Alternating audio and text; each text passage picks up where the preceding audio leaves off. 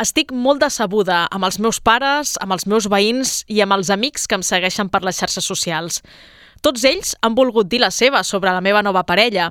Insisteixen que no em pot agradar, només perquè té ales, fa miracles i pot viatjar entre dimensions. Si la veiéssim com la veig jo, entendrien que tot això no té importància, que l'estimava abans de les ales, dels miracles i dels viatges dimensionals – i ella m'estimava a mi, abans que jo em convertís en una humana sense cap dels atributs físics que tenia quan ens vam conèixer. Els meus pares, els meus veïns i els meus amics de les xarxes socials no tenen ni idea de què vol dir estimar.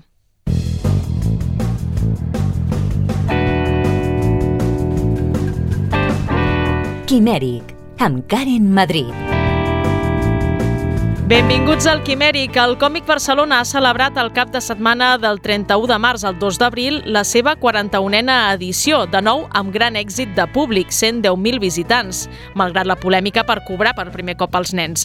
Nosaltres hi vam poder ser i us en farem una extensa crònica amb les declaracions d'alguns dels premiats d'aquesta edició, com l'Elisabet Carín de Comiendo con Miedo o Pep Domingo, autor de Transitorios.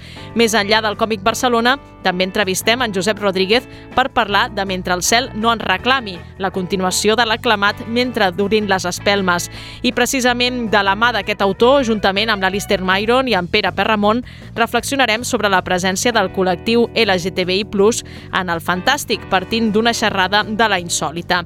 És el que donarà de si el setzer quimèric d'aquesta setena temporada, que fem possible amb l'Iker Mons i la Marina Tovella a la producció, la Clara González a les xarxes socials i el Toni González a les vies de so. Vols aprendre a dissecar ta mare?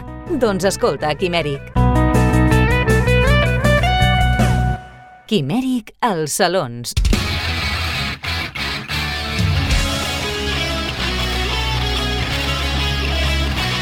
El Còmic Barcelona ha tancat la seva 41a edició el passat cap de setmana del 31 de març al 2 d'abril i ho ha fet amb gran èxit de públic, com dèiem, 110.000 visitants, tot i una polèmica que hi ha hagut pel cobrament dels nens, eh, que no sé si li ha afectat a l'Alfons Mallol. Alfons, què tal?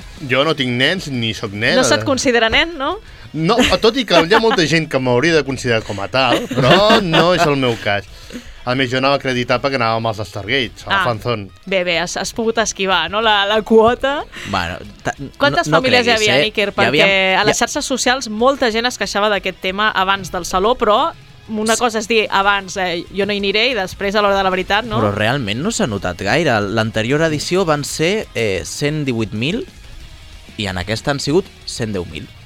Per sí, tant, són 8.000 persones les que han dit que no hi pensaven anar. Bueno, però tampoc és tan dramàtic, diria. Ah, pensem que també estem enganxant a l'inici de Setmana Santa. Exacte. I que no, normalment agafava algun pont, no? I aquest cop ha sigut el, el cap de setmana pelat, no? De divendres a diumenge ja, no? Sí, sí. Mm, diria que sí, sí, sí. Bueno, ha estat bé, eh? No sé tu què en pensaràs, però no, la molt veritat bé, molt és... Ho, ho hem estat comentant, la veritat és...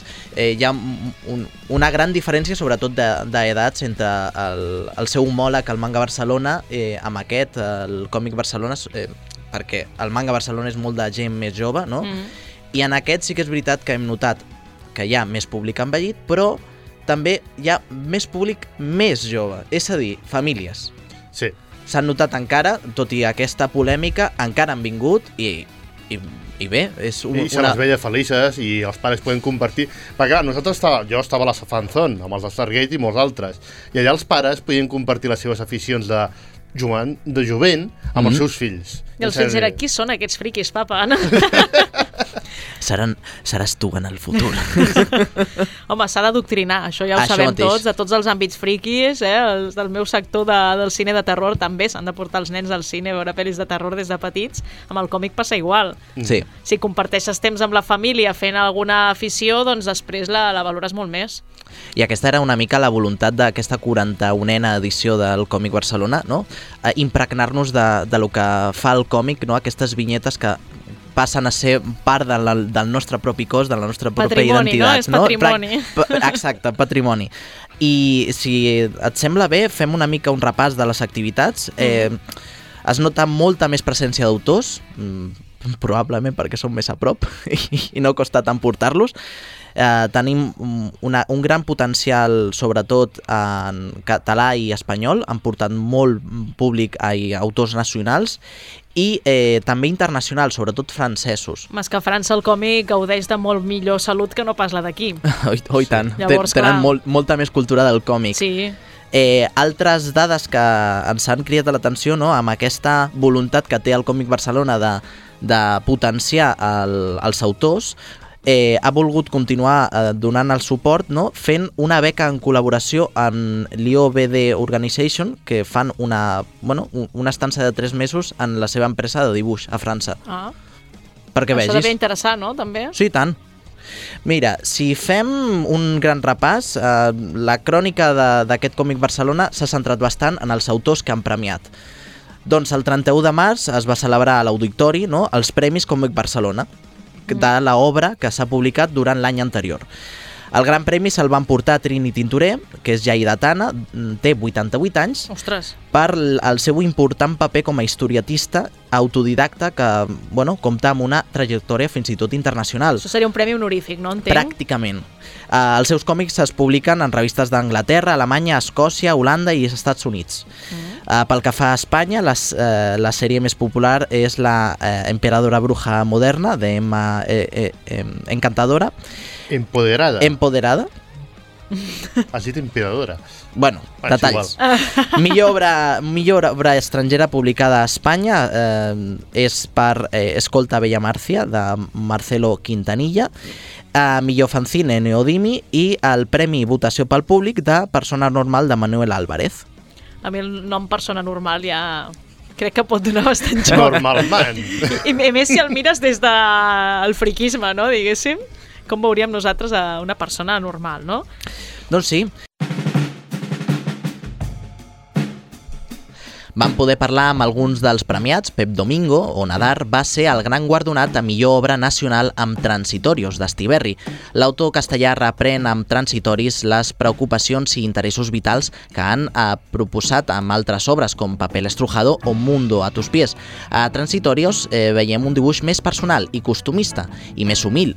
De fet, Nadar no esperava rebre el premi amb un recull d'historietes com Transitorios. Nadar, benvingut al Quimèric. Gràcies. Enhorabona primer per, per aquest premi a millor obra nacional. Sí, sí, jo estic francament molt content i, i sorprès alhora. Dius que mm, et sorprenia, no? Perquè és un projecte que ho, ho, peies com una cosa molt humil, que no, no tenies cap pre eh, pretensió amb ell. Sí, de fet, de fet eh, l'he fet molt a gust precisament per aquesta actitud, perquè normalment esperem moltes coses els artistes. De tant en tant ens eh, fem, és a dir, enfoquem el treball d'una manera eh, poc saludable, pot ser, no? I, en canvi, aquest l'he fet en un esperit d'una manera eh, perfecta. Llavors, llavors sempre penses, no pot ser, no?, que, que, que algo que està fet així, tan còmodament, eh, tingui aquests fruits, no? Però sí. En aquest cas parlem de eh, Transitorios, que és una, eh, és una obra de, de TVOs, no? d'historietes. Clar, clar, de fet, una de les principals raons per les quals estic sorprès és per, per això, perquè és, una, és un, eh, com es diu, un recopilatori o una antologia. Són quatre relats, no? I potser és massa gran dir antologia. Però sí, sí, efectivament és un format que, que, que està prou desaparegut, tot i que és molt primigeni del còmic i està en el seu ADN, però, però m'ha sorprès molt que, que, en fi, que, que el jurat i la gent ha tingut una recepció molt bona del, del TVO. Llavors, eh, en fi, eh, il·lusionat doblement també per això. Es tracten d'històries molt costumbristes, de, de la vida real, quotidianes, no? Eh, T'has basat en la teva pròpia història o has, de les pròpies coses que has escoltat durant la teva vida? Mm, a veure, això és complicat de saber perquè normalment no recordo d'on ve i, i a més a més aquests relats són prou... O sigui, no, són, no els vaig escriure ahir, són relats ja que tenen una solera, diguem, no? I, però efectivament sempre hi ha personatges o hi ha dinàmiques o mecanismes eh, de circumstàncies que s'inspiren en el món real o d'alguna experiència meva pròpia, però com no ho he raonat massa, ja tampoc recordo d'on venen. Però sempre té algun substrat de la realitat, evidentment, ja sigui personal o emocional d'una persona o sigui, meva o d'alguna companya, amic, o, no? Vull dir, mai està allunyada de la realitat, sempre, sempre ho veig i d'alguna manera m'inspiro d'ella. Clar, suposo que eh, aquesta calma de- d'escriure de, o de, de dibuixar el, el, aquesta obra t'ha donat pes a, a poder allargar-la en el temps. Explicaves que el teu mecanisme o el, el teu procés de, de creació era particular, no? Que amb amb una sèrie de pensaments mnemotècnics per la nit. Sí, bé, jo, jo li dec molt, com, com, com abans he comentat, li, de, eh, li dec molt a, a, a aquest moment abans de dormir, no? Perquè és de, si ho penses bé és l'únic moment del dia, no? Que estàs a fosques, eh, amb els ulls tancats, de calma, llavors, per alguna raó, des de sempre, eh, és un moment que el meu cap cavila i fa connexions i veig la llum quan no la puc veure durant el dia, per alguna raó. I més a més, ara que, que tinc una filla, ara és ahir sí o sí.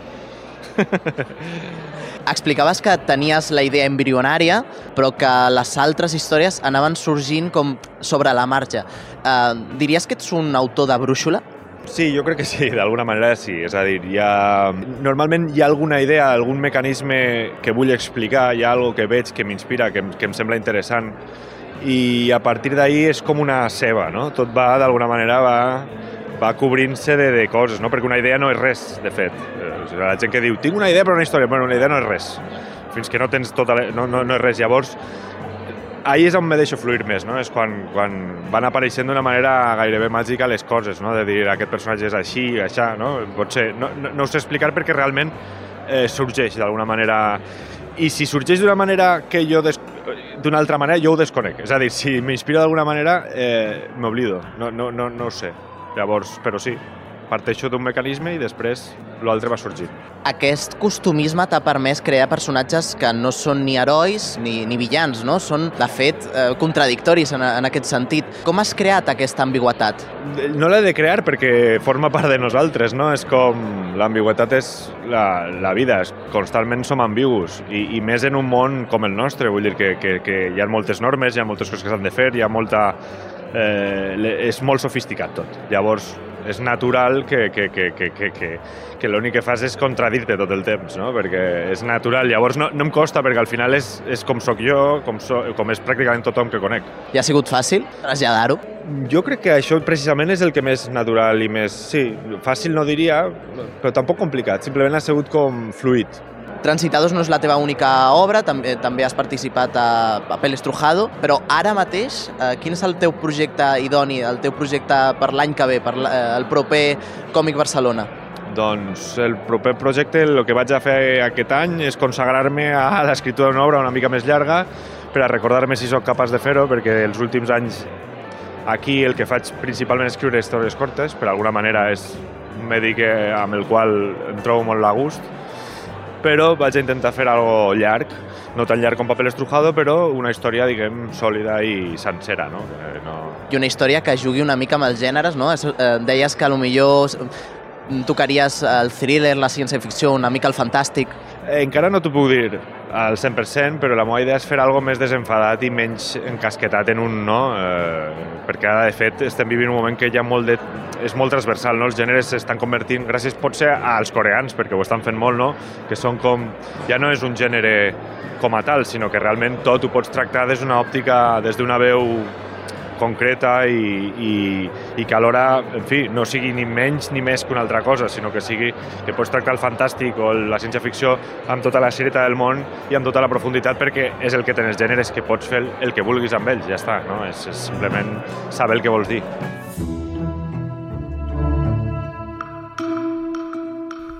Just fa un any, a la 40 edició eh, del Còmic Barcelona, especial Còmic Barcelona Les Dones Creadores, eh, aquest programa que vam fer, coneixíem la història d'Elisabet Carín, autora de Comiendo con Miedo, un còmic auto autobiogràfic sobre l'anorèxia amb tots els seus re- reptes i conseqüències. Te'n recordes? Molt interessant era aquest punt de partida, perquè més et portava pel terreny del terror, eh? sense voler-ho, sent un, Exacte. un còmic realista. Doncs eh, aquest Comiendo con Miedo mm, és una de les obres que s'ha publicat eh, l'any anterior, Tenim aquí, eh? Efectivament, no el Els podem oients no veure, el però, veure, eh, però- està aquí i firmat per l'autora dues vegades. El dia... Ah, mira, té la, dibuixets i tot. la 40 edició és la de dalt i la de baix és el, el passat eh, Còmic no Barcelona. vull dir res, però aquí posa Iket, eh? Sí, I no per- Iker. Sí, sí, perquè em vaig confondre jo a, a l'escriure el, el, el meu contacte al seu mòbil i en comptes de posar Iker Mons vaig posar Iket Mons i es va quedar així. Molt bé, I, I així estem. molt bé. Però Firmado bueno. Eli la guapa. Eli la guapa. Sí, hem, hem creat una amistat des de eh, fa un any, no? I de fet quan vam estar de vacances a, a Madrid, la Clara i jo, doncs vam aprofitar per, per anar-la a veure. Ah, molt bé. Per tant, ja, ja porta solera esta, aquesta amistat i vam tenir l'oportunitat de parlar amb ella. I per què, et preguntaràs? Doncs perquè en aquesta edició Elisabet Karin ha estat premiada a millor còmic infantil i juvenil amb a, aquest, Comiendo con Miedo. Tot arriba, eh? Tot arriba. Ah, això mateix, un premi merescut. De fet, en parlava amb ella i, i en fem un repàs d'aquest últim any en què s'ha convertit eh, no només en una autora de còmics, sinó en un referent dels trastorns alimentaris. Bienvenido al Quiméric. Hola, gracias. ¿Qué tal? Bueno, hace un año que nos encontramos, que compartimos un- unas palabras y que, bueno, al final se convirtió en una gran amistad. Eso es, sí, sí, siempre en mi corazón. Ay, gracias. Pero este año nos encontramos aquí otra vez en el mismo sitio, en Comic Barcelona, porque te han entregado un premio. Así es. ¿Cómo ha sido? ¿Cómo ha sido recibir eh, el premio a mejor obra eh, para juvenil e infantil? Pues la verdad es que inesperado. O sea, parece que esto es como lo que todo el mundo dice, ¿no? Como no me lo esperaba, pero es que de verdad que no me lo esperaba. Pero estoy muy contenta. Estoy muy, muy agradecida también. eh, y sí, muy contenta. ¿Querías que te lo dieran? A ver, sí, ¿no? Sí, porque obviamente pues te hace ilusión, ¿no? Que, que te reconozcan con un premio así, pero luego es que me da mucha vergüenza. Es que soy muy vergonzosa, entonces lo paso un poco mal, pero, pero bueno, en general sí, sí quería. Bueno, eh, el premio te lo han dado por Comiendo con Miedo, que ya después de un año ha tenido una trayectoria muy importante porque eh, has, has pasado a ser eh, prácticamente autora de, cómics a divulgadora. Sí. Sí, sí, en mi cuenta de Instagram hablo sobre los trastornos de la conducta alimentaria a través de la ilustración y bueno, ya como a, a raíz del libro ya va más allá de, de Instagram, ¿no? Y es, ahora estoy haciendo charlas en colegios, en institutos, centros sociales, así que bueno, sí, sí, está siendo fuerte. ¿Y tú estás cómoda con esa misión, digamos, que te, te han- te has autoimpuesto? Sí, la verdad es que sí. Bueno, al principio sí que era como de quién soy yo para hablar de esto, ¿no? Pero, pero ahora con el tiempo sí, me voy sintiendo más cómoda. Y, y la verdad es que es divertido. O sea, aunque parece raro decirlo, ¿no? Al ser un tema tan serio, ¿no? Pero, jo, hablar con gente sobre este tema es muy interesante y, y bueno, y, di- y divertido también, diría. En la entrega de premios dijiste que es valiente por parte de los que lo leen, de, de leer tu historia. ¿Por qué? ¿Por qué valientes? Yo creo que la gente que ha leído Comiendo con Miedo o ha pasado por un TCA o está pasando por un TCA o conoce a alguien que, que está pasando un TCA, ¿no? Y al final es un tema como muy, muy sensible, ¿no? Y, y muy fuerte. Y jo, al final enfrentarte a ello, aunque sea a través de un cómic, requiere de mucha fuerza, ¿no? Y de mucha valentía. Oye, ahora que lo pienso, ahora que nadie está escuchando, eh, ¿a ti te gustaría, tú te sientes cómodo con la etiqueta de juvenil? Esto, o sea, esto me lo ha preguntado mucha gente y es como, ¿por qué no debería sentirme cómoda si la, litura- la- la- la literatura juvenil es lo más? A mí me encanta la literatura juvenil. ¿A quién no le gusta? De hecho, es la, la literatura más importante para iniciar a, a los jóvenes a, a la lectura, a los cómics y a un poco de todo. Claro, Es el momento más importante. ¿Tú te, tú- tú te das cuenta de que es eh, un- un- una misión muy importante la que te han dado? jolín, bueno, no sé, me pongo nerviosa. Has hecho eh, Comiendo con Miedo. eh, ¿El proyecto que te planteas ahora también quieres que sea autobiográfico, que sea hablando de ti? Mm, Pues la verdad es que no, me apetece hacer algo diferente. Sí que quiero tirar un poco por la temática de salud mental y demás, pero sin hablar de mí, sin que sea mm, mi vida, vaya. Me apetece probar cosas nuevas. Todavía está todo muy, muy arriba, muy en el aire y tengo que aterrizarlo, así que, o sea, no, no puedo hablar de ello porque no sé cómo hablar de ello. Pero, pero sí, bueno, tengo varias ideas, sí. Mm, te lo estás reservando, ¿eh? Te lo estás reservando. Bueno, pero antes fuera de micro me comentabas que a lo mejor lo que te hubiese gustado es hacer una historia de fantasía. Sí, vale, eso lo puedo decir. Me apetece tirar por allí, porque a mí me gustan mucho los, bueno, los libros y cómics de fantasía, entonces me gustaría probar esa temática. Porque partimos de una, de una obra súper seria, realmente, que es autobiográfica, y a algo más distendido, más mamarracho incluso, no, no sé cómo decirlo. ¿Te, vas a permitir jugar un poco? Sí, me, me apetece eh, jugar y eso y probar, no sé, volverme loca. También a nivel, o sea, dentro de la ilustración y del dibujo, ¿no? Como probar cosas nuevas, así más, un poco más locas.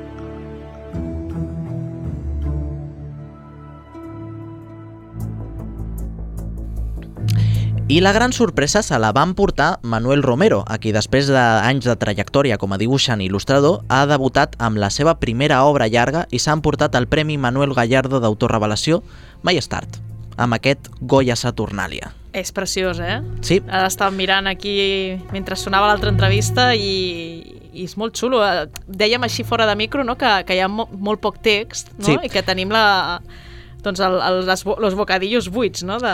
Aquesta és la gràcia perquè eh, es basa en la, en la mm, part de, de Goya do, quan estava recluït a la Quinta del Sordo, quan es va tornar completament sord, i van començar amb aquestes pintures negres, no? amb aquest eh, Saturn devorant el seu fill mm. o els fusilaments. No?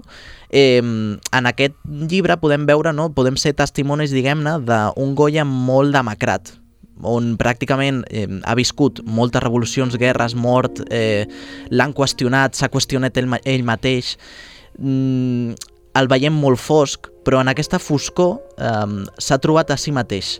És molt paradoxal i molt interessant veure o ser testimoni de la seva, de la seva història. La veritat és que m'està agradant eh, el que estic veient. Sí, no, Sí, no. sí, jo també. Eh, és, té- además, eh, el dibuix de, de Manuel Romero eh, té molta força perquè imita d'alguna manera el, el propi estil de, de Goya. Sí.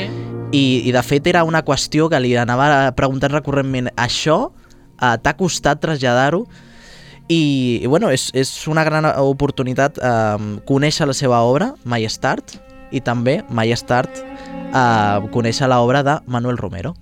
Manuel Romero, bienvenido al Quiméric. Gracias, muchas gracias. Primero de todo, enhorabuena por el premio a autor emergente, por ese Goya Saturnalia. Sí, la verdad es que estoy que no me lo creo todavía. Muy bien. ¿Cómo ha sido? Es porque además el premio es por tu primer debut en una obra larga, ¿no? Es, y además lo tratan como un, con mucha madurez, ¿no? Tu dibujo. Sí, sí, es, mi de- debut porque, bueno, no, no, había, no había planteado hacer algo tan complejo y tan largo en todos estos años, ¿no? Em, Pensé que, que había que prepararse, ¿no? Para hacer algo así o que alguien te, diese la oportunidad de poder hacerlo, ¿no?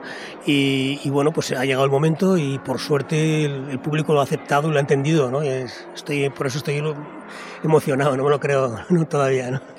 La idea embrionaria de, de este Goya Saturnalia fue de Manuel Gutiérrez, ¿no? Que, que es un enamorado de Goya, ¿no? Y, pero se, se reservó el hacer la, la historia hasta que no te encontró a ti, digamos, ¿no? ¿Cómo fue ese primer encuentro? ¿Cómo os encontraste y dijisteis, eh, somos el uno para el otro, digamos? Sí, así es. Él, tenía la idea en la cabeza, una idea así bastante abierta, digamos, y abstracta, en el sentido de que tenía claro lo que quería contar, porque bueno, lo que pasó en la Quinta del Sordo no se sabe realmente. Entonces él tenía esa capacidad para poder crear eh, una historia ¿no? paralela. O, o- Y entonces, mm, cuando vio mi trabajo eh, en La Resistencia, en un- en una revista que desgraciadamente ya no, no existe, pues pensó que mi estilo de dibujo se encajaba, encajaba ¿no? Y nos, se puso en contacto conmigo y nos pusimos en marcha, ¿no? Hemos, hemos respetado mucho los, los espacios de cada uno, ¿no? Y yo creo que por eso ha salido bien y rápido, ¿no? Porque eh, yo he respetado muchísimo el guion, él ha respetado mucho mi trabajo como dibujante y el, y el resultado final ha sido un poco esa, fusión, como dices, ¿no? Esa compenetración que ha habido tan buena, ¿no? ¿En tu caso también eres un enamorado de, de Goya? Sí, sí, también. Amigo, ya desde pequeño me, me, ha, me ha encantado, ¿no? Yo lo recuerdo siempre, ¿no? Es, me, ha esperado un pintor que me resultaba como excesivo, ¿no? Era, era una cosa como... un- ya con el tiempo ya te vas, vas, te vas relajando y lo vas viendo un poquito más próximo y lo vas entendiendo mejor, ¿no? Porque Goya es, es complejísimo, ¿no? Y, y luego te vas dando cuenta de que fue un precursor en toda la... en un montón de un montón de, facetas artísticas que, más adelante en el siglo XX se han, desarrollado y han evolucionado, ¿no? O sea que, sí, sí, ta- también soy muy fan de siempre de Goya. ¿Fue difícil trasladar esa complejidad de Goya al, a este formato? Hablamos de un juego de viñetas un poco habitual, ¿no? Incluso juego con la pintura al óleo, ¿no? Es, es poco habitual. ¿Fue difícil eh, trasladar esa complejidad? Pues hombre, al principio sí, la verdad es que al principio empecé a ver aquello, eh, era, una jaula la que me pasaba el guionista, es una jaula de 3x4 en muchas de las páginas, eh, viñetas estiradas y pequeñas, ¿no? Y claro, pues eh, eso era, era complicado, contar historias en, ese- en esa cajita de cerillas que tenías ahí para poder meter todo, ¿no? Pero bueno, tiré de oficio y más o menos yo pienso que lo pudimos resolver. Pero el tema pictórico, ¿no? Porque yo llevo muchos años eh, también haciendo pintura digital, eh, trabajando eh, con materiales que escaneo y, y y utilizo ¿no? de, de, manera digital y bueno, pues tiré de oficio ¿no? para poder resolver eso de una manera más o menos racional, porque es que si no eh, es imposible, 130 páginas eh, me tiraría toda la vida para si lo hago, si lo hago a mano. ¿no? Entonces bueno, pues digamos que, que, fue, tuvo su complejidad, pero bueno, lo, lo supimos pronto resolver y te dejó jugar em, dentro de ese guion que te iba enviando por fascículos, ¿no? ¿Pudiste meterle mano? ¿Pudiste dar ideas? Sí, sí, hay bastantes cosas que yo también aportaba, ¿no? porque ya te digo que es un guion muy abierto, eh, es un guion relativamente sencillo a la hora de leer porque yo veía que había con mucho, muchos elementos subjetivos ahí que son fácilmente eh, manipulables por mí de una forma o de otra. ¿no? Por ejemplo, hay una escena del Coloso que repinta el cuadro que, que el francés está, está, en una escena ¿no? en la que el francés dispara un cuadro y como es, es un cuadro pintado en la pared salta como casquillos de, y luego el, el, Coloso es el que lo, lo pinta la idea de meter al coloso en vez de meter unas, una mano, digamos, eh, no sé, una mano abstracta, por así decirlo, de alguien que no se sabe pues fue cosa mía también, ¿no? Y bueno, y siempre con la aportas, siempre aportas cosas, ¿no? ¿Te sentiste cómodo con el estilo de, de Goya, ¿no? Trasladar esa complejidad eh, acorde con tu propio estilo. Sí, la verdad es que yo cogí la paleta de Goya eh, en las pinturas negras, tiene una paleta muy concreta además, y, y luego mi estilo, ya digo, yo, yo mi estilo lo, lo, perfilé en Los perros de Auschwitz, que son, es un cómic corto de 10 páginas, donde quise un poco dar el ADN de mi trabajo, ¿no? Lo, lo que yo quería, lo que yo quería hacer, la forma en que yo quería contar historias gráficas. Y entonces ese mismo estilo, esa misma textura, esa manera de contar, la transferí tal cual a, a Goya. Con, con, ya te digo, con su paleta y con adaptándola pero sí, me resultó cómodo por eso, porque yo ya tenía claro que iba a ir por mi camino. ¿no? La etapa de la Quinta del Sordo de Goya es una de las etapas más oscuras que tiene, cuando se vuelve sordo, cuando empieza a utilizar ese tipo de colores tan oscuros, nunca mejor dicho, ¿no? ¿Se ha trasladado algo de esa parte de Goya en ti? No, yo espero que no, espero que no. Era una época muy turbia, el hombre tuvo que pasarlo muy mal. Lo que pintó, la verdad es que refleja a una persona atormentada y, y una persona, un gran creador, que además tuvo la capacidad de poder transmitir con el color todo lo que, todo lo que había sufrido y, y vivido. ¿no? Yo espero que no, yo espero descolgarme de, de, de, Goya en el sentido negativo y quedarme con lo bueno, que es mucho. ¿no? Goya tiene muchas cosas buenas y eso ojalá siempre, siempre esté en mí. ¿no? Pero, pero la parte negativa yo intento huir de todas esas cosas. ¿no? Hombre, el negro si hay que utilizarlo en otro... Bueno, por ejemplo, en la historia que tenemos ahora pendiente de... Es una historia de terror con, con Juan Alcudia, eh, Entre el cielo y la tierra, pues esa historia también tiene mucho negro porque es una historia de terror. O sea, es decir, que a veces tienes que adaptarte ¿no? a la paleta de color que te pide el guion, ¿no? Has, has, comentado que Goya, como tal, era un artista prácticamente avanzado a su época, ¿no? Y vamos a avanzarlo de verdad. Si hubiese nacido en nuestro siglo, ¿qué sería? ¿Qué profesión habría escogido? Buah, muy complicado, ¿no? Yo creo que cada uno es hijo de su tiempo, de sus circunstancias.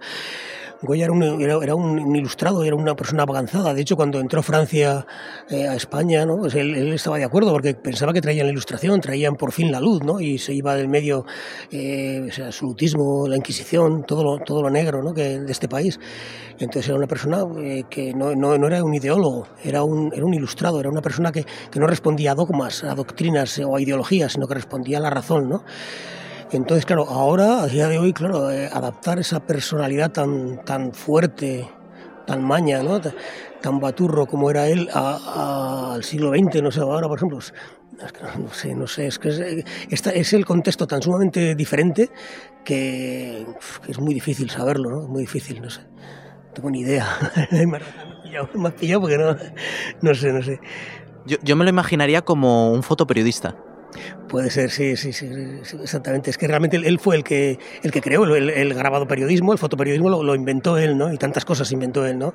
Es, esos trazos tan sueltos, esas casi abstracciones, esos, ese impresionismo en, la, en, el trazo, ese expresionismo también. Es que tiene todo, todas las corrientes del principios del siglo XX están marcadas por, por, por Goya en su, 100 años atrás, ¿no? O sea, es, es, un genio. Es decir, que, claro, las circunstancias personales, él nació en un pueblo, ahí eh, en, en Zaragoza, fue de todos, a lo mejor subes no sé, o sea, es que las circunstancias personales de cada momento, cómo fluye hasta que al final acaba en Madrid, acaba en la corte, claro. Es un cúmulo de circunstancias muy puntuales y muy de la época, ¿no? Y... Sin duda somos hijos de, de, de, circunstancias, ¿no? Y en este caso, las tuyas te han llevado aquí a Cómic Barcelona a recibir eh, un premio Revelación. Eh, muchas gracias por atendernos y de nuevo, enhorabuena. Muchas gracias a vosotros y agradecido a todo el mundo de, de, de Cómic Barcelona por, por esta acogida que me ha dado tan maravillosa. I sempre, a part dels premiats, parlem dels protagonistes, no?, de, dels salons. Exactament, amb Teresa Valero. De fet, és la dibuixant i guionista que ha creat el cartell d'enguany. Mm. Un cartell que reivindica doncs, el que comentàvem al principi, la importància del còmic eh, de les, a les nostres vides, així com els eh, fragments i les vinyetes que la van marcant. No? Eh, és guionista eh, de còmic a Sorbe, Sorcelleries, al costat de Juanjo Guarnit, eh, Curiosity Shop amb Montse Martín i dibuixant de l'àlbum We Are Family amb l'escriptora eh, Marie eh, Pavlenko, al guió. Eh, en una xerrada amb Mònica Rex, de Zona Negativa, Valero va confessar que fer el cartell va ser un repte, sobretot traslladar la idea transformadora que té el còmic en nosaltres. Me gustaba mucho esa idea de que esto fuera eh, transmitiera un poco lo que la fiesta que es el, el cómic, ¿no? Lo, lo, esa celebración que es cuando los leemos y disfrutamos mucho de, de, algunos cómics y nos cambian además también todas esas viñetas que están por encima de la chica y la van como transformando, también me parecía que expresaba bien cuál es la experiencia cuando, cuando leemos un còmic. La il·lustradora va aprofitar per parlar sobre les seves, eh, les seves referents, com Trini Tinturé, la gran premiada d'enguany. Trini Tinturé también, porque y hoy hemos tenido la oportunidad además de darle el premio que ha sido muy emocionante. Vamos, a mí es la que me hizo eh, pensar que yo podía ser dibujante en algún momento. O sea, Esther y su mundo para mi generación fue algo tremendo, o sea, nos tenía subyugadas completamente y eran eso, quien te, te, te dejaba claro que eso que a ti te gustaba pues se podía hacer como un trabajo, ¿no? que era dibujar. Què balanços del còmic? Que, quin balanç faríeu? Quins titulars deixaríeu? Home, doncs jo, jo em, em referiria amb, amb això últim que, que ha deixat eh, caure Valero, no? Que es pot viure del còmic, es pot crear còmic i viure d'això. És una afirmació gosarada, molta gent voldria estar d'acord amb això, Sí. però bé, Però a Espanya no. és difícil Espanya. ara, ara, ara sí que té sentit. Jo estava pensant en els dibuixants de còmic que conec i no és el que diuen, eh? però no, vaja. no, no. Jo diria que per ara el, sobre el còmic en general aguanta bé la crisi dels 40. Bon titular aquest. I d'aquí d'aquí 10 anys en seguirem parlant, crec jo. Es comprar una moto. L'entrevista.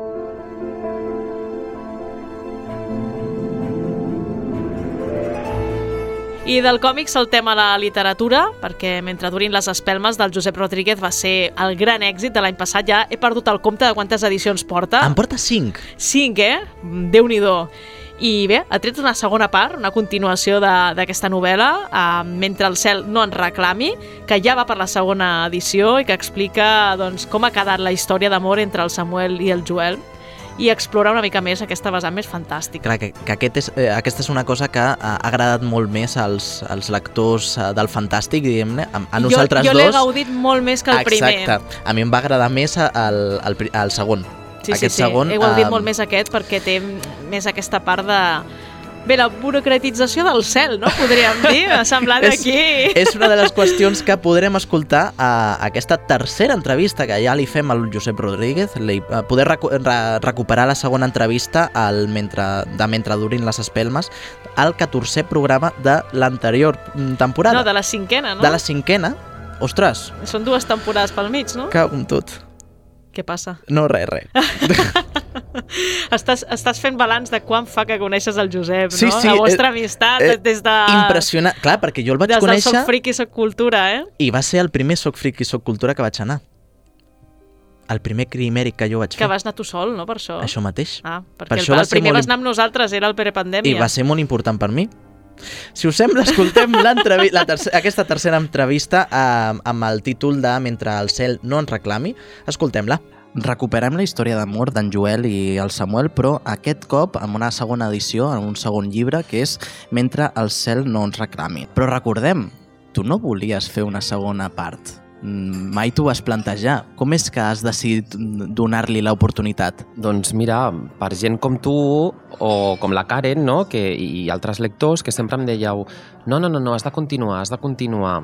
I jo sempre deia, no, no, jo crec que la història està tancada i fer-ne una segona part és estirar el xiclet. I al final ja després dels lectors sempre dient-me que no, que no, que has de continuar, al final vaig dir, bueno, si se m'acut una bona idea, continuaré, però se m'ha d'acudir una idea que faci justícia a la història, que no sigui un, va, repetim el mateix i, i estirem el xiclet perquè ha anat bé la primera part. No, i al final quan em va venir la idea dels fantasmes incinerats vaig dir, ah, I per què no fer una segona part parlant de fantasmes, però aquest cop de fantasmes de gent que no està enterrada, sinó que ha estat incinerada. I aquí construir una història que tiri per aquí.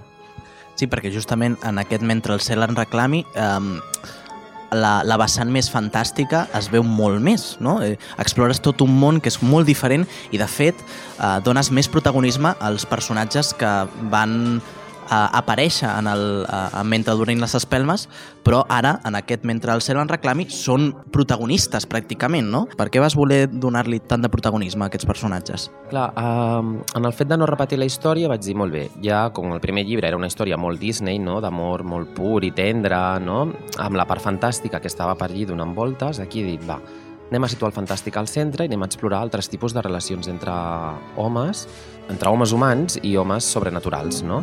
I clar, aquí és on apareixen, doncs això, les filges, els shinigamis, els àngels de diferents tipus, els fantasmes enterrats i fantasmes incinerats... He dit, vinga, va, donem-ho tot i posem la fantasia al centre de la història aquest cop. I també de relacions, perquè recuperem també um, el BL, no? I no només has explorat l'amor romàntic, sinó que també hi ha un altres tipus de relacions, un altre tipus d'amor. Exacte. Aquí, doncs, com ja he dit, ja la primera part veiem l'amor més romàntic i l'amor més dolç i tendre. Aquí mantenim aquesta relació entre el Joel i el Samuel, però apareixen altres relacions que són doncs, ja més basades en el sexe i basades ja en altres interessos, que no és només l'amor pur. Pel que fa a aquests fantasmes incinerats, eh, la trama es desenvolupa amb l'Oriol, que és el fantasma de... el hacker, el hacker de això mateix, de, dels partits de futbol. Aquesta trama es desenvolupa amb l'Oriol, que és un fantasma incinerat, no? un, un descatat, que precisament són eh, uns fantasmes que no estan molt ben vistos per la resta de fantasmes. Volies traslladar aquesta sensació, la desigualtat, el prejudici a l'altra vida, com si tot continués després de la mort? Bé, aquí la cosa ve d'un fet real, que va ser la mort del Samuel Luiz, el noi aquell de, de Galícia, que van assassinar i el van apallissar per ser, per ser gay, no? I vaig voler... Clar, això em va colpir tant, aquesta, aquest esdeveniment. De fet, vaig estar durant un parell de mesos que no m'atrevia a sortir de nit per Barcelona a, a aquell estiu. I bé, vaig dir, bueno, com que el fet d'incinerar-se és una cosa molt nova, per què no els fantasmes antics de tota la vida, margi... no, per què no faig que marginin aquests fantasmes incinerats i els tractin com, un descasta... com uns descastats? Eh, D'aquí, bueno, era reflectir això, les, els prejudicis i les persecucions que hi ha contra certs col·lectius de la societat, veure-ho també en col·lectius d'éssers mm, sobrenaturals.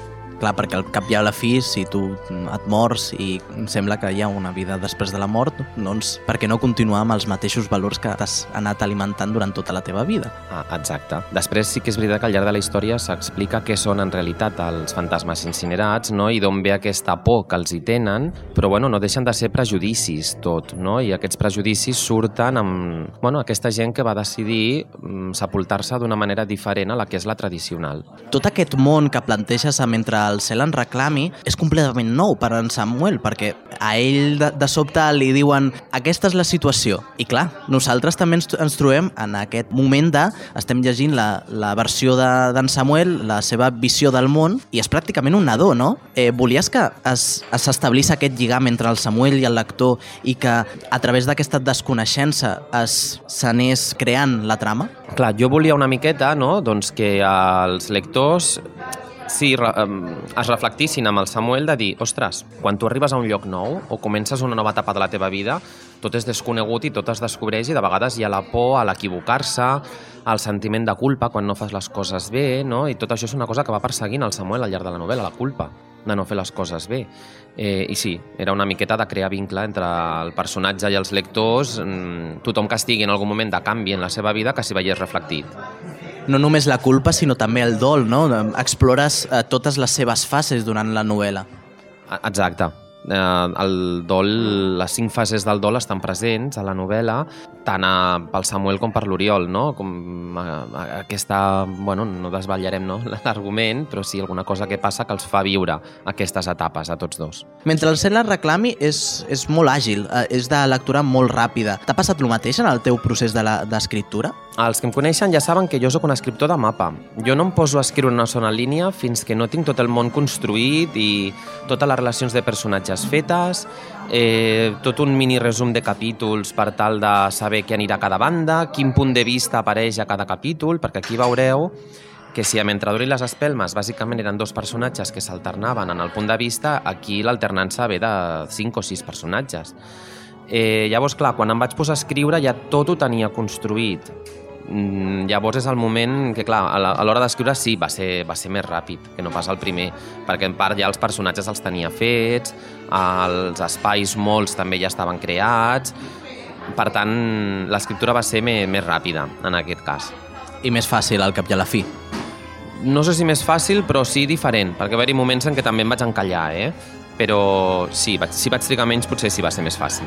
Un altre dels grans que és de, de la novel·la no, és, són les referències, que és una gran clocada d'ull eh, del llibre anterior. Volies acompanyar aquesta aventura, que és més d'acció, fins i tot de tensió, amb aquest to més eh, desenfadat? Així com la primera, doncs és una mica um, un homenatge a moltes sèries d'anime, de ciència-ficció i tal, que van sortint per allà i que si el públic de fet, si el públic no les ha vist aquestes sèries o no ha llegit aquells mangas, tampoc no passa res, te perds alguna cosa. Aquí doncs he fet el mateix, o sigui, clar, així com la primera novel·la es discutien sobre quina galàctica és millor, si la primera o la segona, i en, la, en aquesta segona ja decideixen, no? ja com que passa el temps, ara aquí ja arriben a la conclusió quina de les dues no? és la, la bona uh, segueixen havent-hi referències a Bola de Drac. Aquí tenim el rei Enma, que tots visualitzem, no? o de Bola de Drac o de Yu Yu Hakusho, no? allí amb el segell posant, signant els papers, no? Doncs aquí igual. O fins i tot recuperem el, el passarell, no? Que, passarell, no?, que diu en Vegeta. O sigui, clar, com que aquí ja no hi és el Sebastià, però aquest homenatge al Joan Sans l'he volgut seguir fent, col·locant aquest passarell tota l'estona, no?, que li van dient a, a un dels personatges. I, de fet, si em permets, es va repetint molt i acabes llegint el llibre pensant, coi, pobrissó, que li estan dient tota l'estona passarell, i a més li estan dient passarell personatges que no es coneixen entre ells, no? Que és com... Eh, S'han posat tot d'acord per dir-li passarell al pobre. El pobre Samuel el matxaquen molt amb aquest insult, no? Tots passarell, el passarell, no? Bueno, Joan Sans, el teu català ens va enriquir molt, eh? Quan vas doblar el Vegeta, ho reconeixem tots i és un homenatge a tu. Eh, I bé, Pirika Pirilala, que també surt, eh, de la màgica Doremi, no? Eh, bueno, hi ha moltes picades d'ull a, a molts animes, no? Hi ha moltes sèries de ciència-ficció que van, van sortir. Fins i tot n'hi ha un al cor de la ciutat, eh? que hi ha alguns lectors ja m'han explicat això és del cor de la ciutat o m'ho estic imaginant? I dic sí, sí, sí, és del cor de la ciutat. O sigui, fins i tot en aquest nivell de, de trobar referències arribem, eh? en, aquesta, en tota aquesta acció no, no oblidem lo, lo romàntic, no? allò romàntic um, continua sent una eina molt important durant la trama, l'amor. Eh, per què has volgut que continués sent la ploma que fixés el destí, diguem-ne? Bueno, perquè no deixa de ser un BL.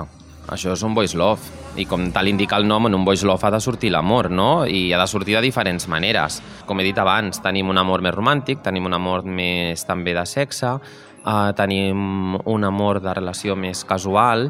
Eh, bueno, N'hi ha molts tipus d'amors que surten aquí, uh, de relació entre nois, i bueno, clar, és que, és, la, és que era la meva intenció. Si vols fer un voice love has de parlar d'amor en moltes maneres diferents, però no deixa de ser amor. Eh, mentre llegia el llibre eh, m'han passat moments, eh, alguns moments catàrtics, no? que estava llegint i de sobte eh, apareixia una papallona o, o, o, o em parava a pensar eh, en aquelles persones o familiars que en algun moment eh, hem incinerat. Jo pensant, ostres, ara em sap greu. no sé si a tu t'ha passat. Um, ostres, doncs no, en aquest moment mentre escrivia um, no, no m'havia plantejat de dir hòstia, que tinc familiars incinerats, com deuen estar com que això és una cosa que jo ja m'he plantejat que és invenció meva, perquè no sé si quan tu et mors si t'incineren o no vius millor o vius pitjor doncs no m'ha arribat a plantejar, la veritat eh, no ho sé, no et sé dir... No, no, no, he plantejat. no, no ho sé. Bueno, no passa res, eh? quin, quin remei, no?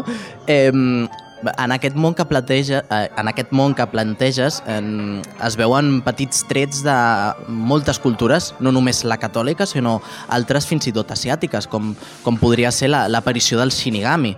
He creat com una mena de món en el qual tu quan mors, eh, tu siguis de la, de la religió que siguis o de la cultura que siguis, tu te'n vas a un lloc on és comú i llavors ja decideixen, per dir-ho d'alguna manera, en quina habitació et fiquen, no? o a quina mena de paradís vas però de fet en algun dels capítols es veu no? que els personatges estan mirant l'altre món i diuen, ostres, és que es veu tot, i aquí hi ha el paradís, allà hi ha els inferns, aquí hi ha el no sé què, i, i cada religió té el seu altre món representat, no? Eh, bueno, imaginat això, que tu quan mors seguim estant junts. No te'n vas a una mena de dimensions i tots som tan diferents com això, sinó de dir, bueno, són diferents cares del mateix, que és l'altre món. I he volgut una miqueta presentar això, no? que tot i que tinguem creences i cultures i religions diferents, en el fons no ho som tant de diferents. De fet, en aquest joc comú, que podríem dir-li cel, no? eh, està tot molt burocratitzat. Què t'ha passat? Per què? Per què, us, eh, per què t'agrada la burocràcia? No, no m'agrada, l'odio molt. Per això surt la burocràcia aquí com un dels grans problemes dels personatges. Eh, sí, senyors meus, quan llegiu el meu llibre descobrireu que al cel, a l'altre món, hi ha taxes per pagar, papers per omplir, formularis... Segueix havent burocràcia a l'altre món. Per què? Doncs bàsicament perquè he patit unes oposicions, he patit un munt de paperassa per fer el curs de funcionari novell, a la part de funcionari en pràctiques i per poder ser un professor en plaça definitiva he hagut de fer tants papers, cursos, exàmens i de tot que això s'hi veu reflectit en el llibre. Uh, vas dir, em fota't, lector, aquesta és la meva venjança. Exacte, o sigui, el que jo he patit ho patireu vosaltres. eh, no només burocràcia, sinó també capitalisme. Sí, sí, totalment. De fet, un dels problemes del llibre és el fet de no pagar taxes. Si tu al cel no pagues les taxes, et castiguen. I és una de les coses que engega els problemes de, del llibre. I el conflicte s'engega en part per no pagar les taxes del cel. Sí que, que sapigueu, lectors, que quan us moriu seguireu pagant impostos. Hisenda no perdona. No, no us escapareu, no. No, no, no, estem, estarem allà acollats per l'eternitat. No, però també en tindrem una cosa, l'eternitat. Què vols dir? També estarà l'amor. Ah, bueno, sí, clar. Eh, els meus personatges, l'amor dura tota l'eternitat. Alguns, eh? D'altres, el sexe dura tota l'eternitat, o, o no. Alguns tampoc no volen. Tu diries que és per tothom? Bueno, jo sempre dic que és un llibre crossover i que, per tant, de 14 a 114 anys. Així que, si esteu entre els 14 i els 114, podeu llegir-lo. I ràpid, perquè s'esgota la primera edició, que ja, ja estem... ja hem anat a impremta amb la segona. Bueno, i a la tercera, i a la quarta bueno, la, mentre durin les espelmes ja va per la cinquena, o sigui aquí, si aquest també arriba a cinc, jo encantat. Ara que t'has plantejat aquest món, en el, mentre el cel ens reclami, no? tota aquesta fantasia, tot aquest... Hi ha una vida després de la mort, tu t'ho has plantejat en tu, en la teva vida, en la teva possible segona oportunitat? Ui, jo seria un descastat, eh? perquè a mi que m'incinerin i, i, i ja, i que em posin en una urna, en un camp d'espígol, com que quan vas als cementiris de Barcelona tu has d'escollir quina planta et posen al capdamunt i pots escollir entre espígol espígol, romaní i sàlvia, doncs jo diré que espígol i serà mar de feliç i fent bona olor. És el que jo m'he plantejat. I no direm per què l'espígol i no un, una altra planta. Bueno, és més bonic, bàsicament. Soc marica, m'agraden les flors. La crònica del fantàstic. I no deixem de parlar de mariques. De mariques, exacte. De mariques. Parlem de LGTBIQ+, la representació d'aquest col·lectiu en el que és el gènere fantàstic i ho fem partint recuperant una xerrada que es va fer a la llibreria La Insòlita, que toca molts aquests temes i hi era precisament el Josep Rodríguez i també l'Alistair Myron, que és autora de Gènere Fluid i és l'autora de Sabres de Sal, i Pere Parramon, que és autor de La llengua dels ocells. A veure, a mi m'ha interessat molt aquesta xerrada, més que res també per veure el punt de vista de persones d'un col·lectiu minoritzat, com es senten elles amb aquestes representacions que es troben a les novel·les, no? Perquè, clar, les persones que formem part de la normalitat, entre cometes. Um, és que no sé ni com referir-m'hi, no?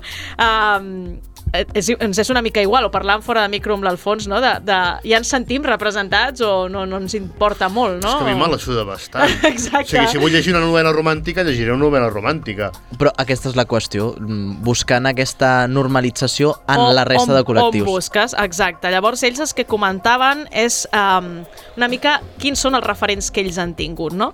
I el Josep uh, estava molt enfadat per al cas de Harry Potter una cosa que me'n recordo que em va fotre moltíssim va ser ja que quan agafo Harry Potter, que em va agafar ja al final de l'adolescència, vaig llegint, m'agrada molt, vam, acabo, el, acabo de llegir tots els llibres, eh, miro totes les pel·lícules i ja, clar, quan a mi ja em pilla amb 30 anys, que salti la Rowling dient, no, és que Dumbledore és gay, clar, jo dius, i això per què no ho vas dir 15 anys enrere, quan vas començar a escriure, no? Què és el que et va dur a amagar això a tu? I per què? Clar. A veure, per què? Jo, jo dic, és que no importava. No Clar. tenia efecte la trama. Però llavors, per què tens els cojonazos de dir-ho 20, o sigui, 20 anys després, no? Sí, bueno, suposo perquè és milionari i s'ho pot permetre dir- parlar de la seva roda al cap de 20 anys. O potser perquè té molt mala fama Hmm. d'homofòbia, no? I tra- i i, i, ha, i ha intentat uh, meditzar-ho així, no? Possiblement si hi haguessin hagut xarxes socials en aquella època, hagués dit abans. Potser sí. no ho sé. o- o poder no, eh? O poder- o poder no. Clar, la, el tema dels referents és el que troben a faltar, no? Des d'aquest col·lectiu, el Pere Perramont apuntava que li faltaven aquests referents i, i diu que per anar-los a buscar doncs es va haver de remuntar a uns quants anys abans.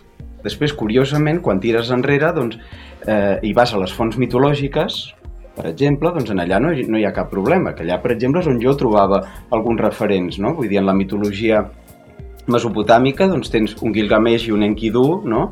eh, que d'alguna manera doncs, et, et, et deixen molt clara la seva, la seva relació. No? O, o després, evidentment, doncs, a la mitologia grega no? doncs, tens un, un, un Aquiles i un Patrocle, no? que també doncs, eh, em pots fer claríssimament la, la, la, la lectura que toca, d'altra banda, no? i no la que alguns traductors ens han volgut vendre. No? Podríem dir que en alguns temes estava tot més normalitzat que ara, no? Del fons s'està fent alguna cosa sobre què et passa. al fons? Mossego la llengua i està, i em dic que no ho diria. Val. Passem, passamos palabra, no? Uh, pel que fa a l'Alistair Myron, el que denuncia és que, a més d'haver pocs referents, no? és que els que hi ha estan molt viciats. O sigui, estan tots malament. Però el que més em va fotre en el seu moment quan llegia era el mal discurs, o sigui, és greu no estar representat, però dius, com a mínim et pots construir a tu mateix des de la invisibilitat. El problema és quan et representen i ho fan todo mal. O sigui, o el tòpic de que és l'amic gay, perquè resulta que tots els protagonistes de novel·les juvenils o de novel·les així fantàstiques lleugeretes han de tenir el millor amic gay, que poder ser acabarà morint de manera tràgica. Potser se l'endurà el SIDA, se l'endurà un cotxe, el matarà d'una pallissa a la policia o qualsevol altra merda que farà que no gaudeixi de la vida. I si té una amiga lesbiana, doncs serà una mala persona, manipuladora, una dona descontenta en la seva existència, o sigui, bàsicament és Carmila, la primera vampira de la que tenim consciència, no? És la peor persona del món. Dius, aquest no, no és l'objectiu, o sigui, a mi va ser això el que em va fer pensar, més que la falta, perquè dius, quan no n'hi ha, dius, bueno, no ho va posar el d'autor. És la mala representació, o sigui, No sé, Iker, si tu t'hi sents representat amb això, de les males representacions de dir, ostres, és que el Bueno. personatge gay no em representa gens, no? Perquè està molt estereotipitzat eh, en molts casos, eh, en, en certes, jo que sé, eh, obres literàries que pots veure, me lo invento, un pirata gay, doncs aquest pirata gay és molt gay, és exageradament gay. Uh, en altres circumstàncies poder, eh, si veiem que el, el personatge gay és gay i ja està, i no Com afecta una en res... característica més no, de la Exacte. personalitat. No afecta en res a la trama, perfecte. Anava a dir que Jack Sparrow, en teoria, no és gay. Li hauríem de preguntar a la- a l'Alistair si creu que està ben representat o no. Perquè Però, tothom diu que és gay, però no ho és, en teoria. a veure, el Pere eh, li donava la raó a l'Alistair i el que deia és que aquestes representacions que s'han fet fins ara eh, fan un flac favor. hi ha que- una mica aquesta construcció no? de la, del, del món des d'una de des, des posició hegemònica, no? que és el que hem anat trobant sempre doncs, en, en pràcticament tota la literatura. Llavors, evidentment, és clar, el, aquell que se surt no? d'aquest discurs eh, hegemònic, i, i aquí, doncs, és clar, el que trobem són totes aquestes mirades dissidents no? quan, a, quan a qüestions de gènere, quan a qüestions d'orientació sexual, etc. doncs eh, es construeixen des de l'estranyesa. O sigui, en aquí encaixen, no? en aquests discursos hegemònics, encaixen doncs, dins d'allò que és, que és rar, no? I allò rar doncs, pot ser divertit, no? És el contrapunt còmic en un moment donat, és el contrapunt pervers, no? Moltes vegades, no? En el, nosaltres aquí ara estem parlant de fantasia, no? Però si entréssim en el gènere del, del terror, doncs aquí, clar, abans us referíeu a la Carmila, no? I altres vampirs, no? Que, que d'alguna manera representen això, per no parlar també de les reduccions no? a les quals doncs, eh, eh, la Disney doncs, doncs, um, sotmetrà o, o condemnarà doncs, tants contes clàssics. A part del que és els referents, eh, preguntes a aquests autors per què han triat escriure eh, sobre doncs, a, aquest tipus de personatges i l'Alistair diu que escriu des de la ràbia, mentre que el Josep des del disgust de comprovar que tots els gais que apareixen en la literatura acaben malament. I això sembla que ho va descobrir en una assignatura específica d'aquesta matèria.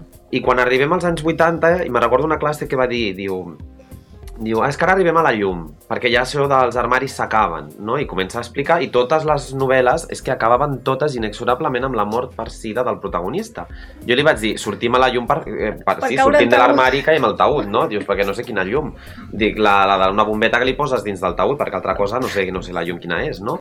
Pessimisme total, eh? Ja te digo.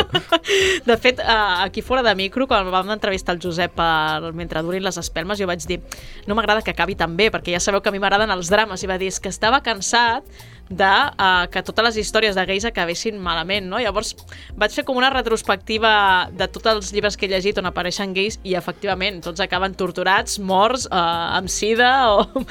Llavors dius, n'hi ha pocs i acaben molt malament realment és normal que tinguin ganes de canviar el que és la representació literària. Però quin paper juga el fantàstic en tot això?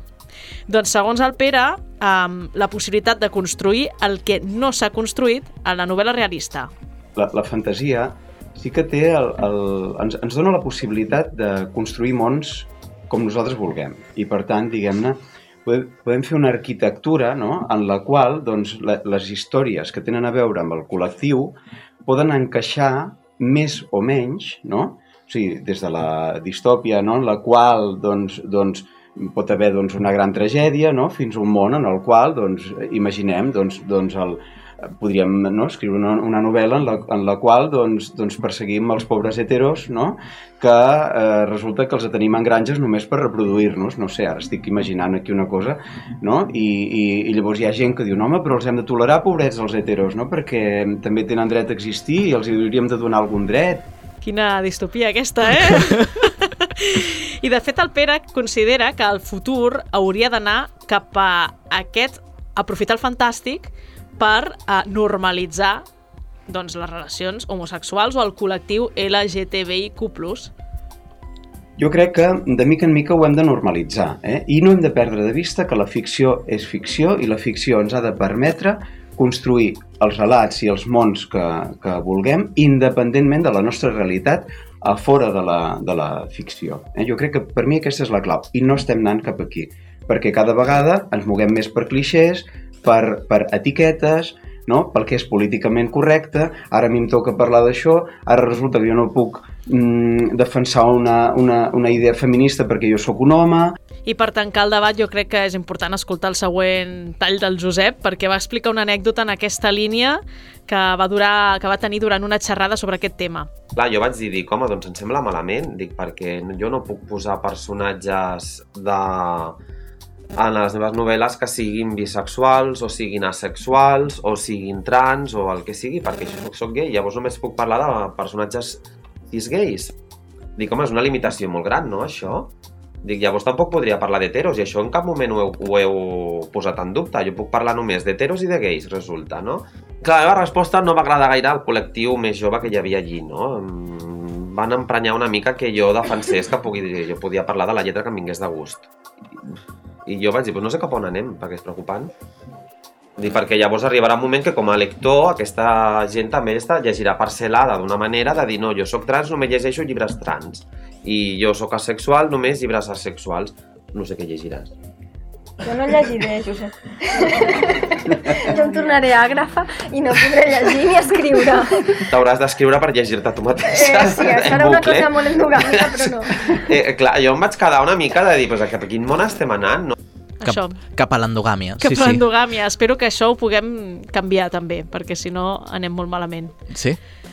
I ja està, jo crec que aquesta reflexió la podem deixar a l'aire i que els oients reflexionin, apuntin i, i a les xarxes socials, si volen comentar, doncs que comentin.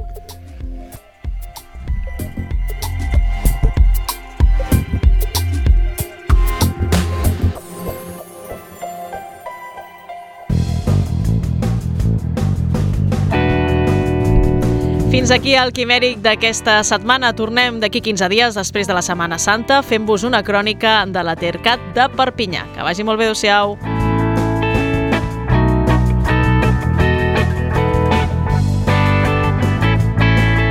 Quimèric, amb Karen Madrid.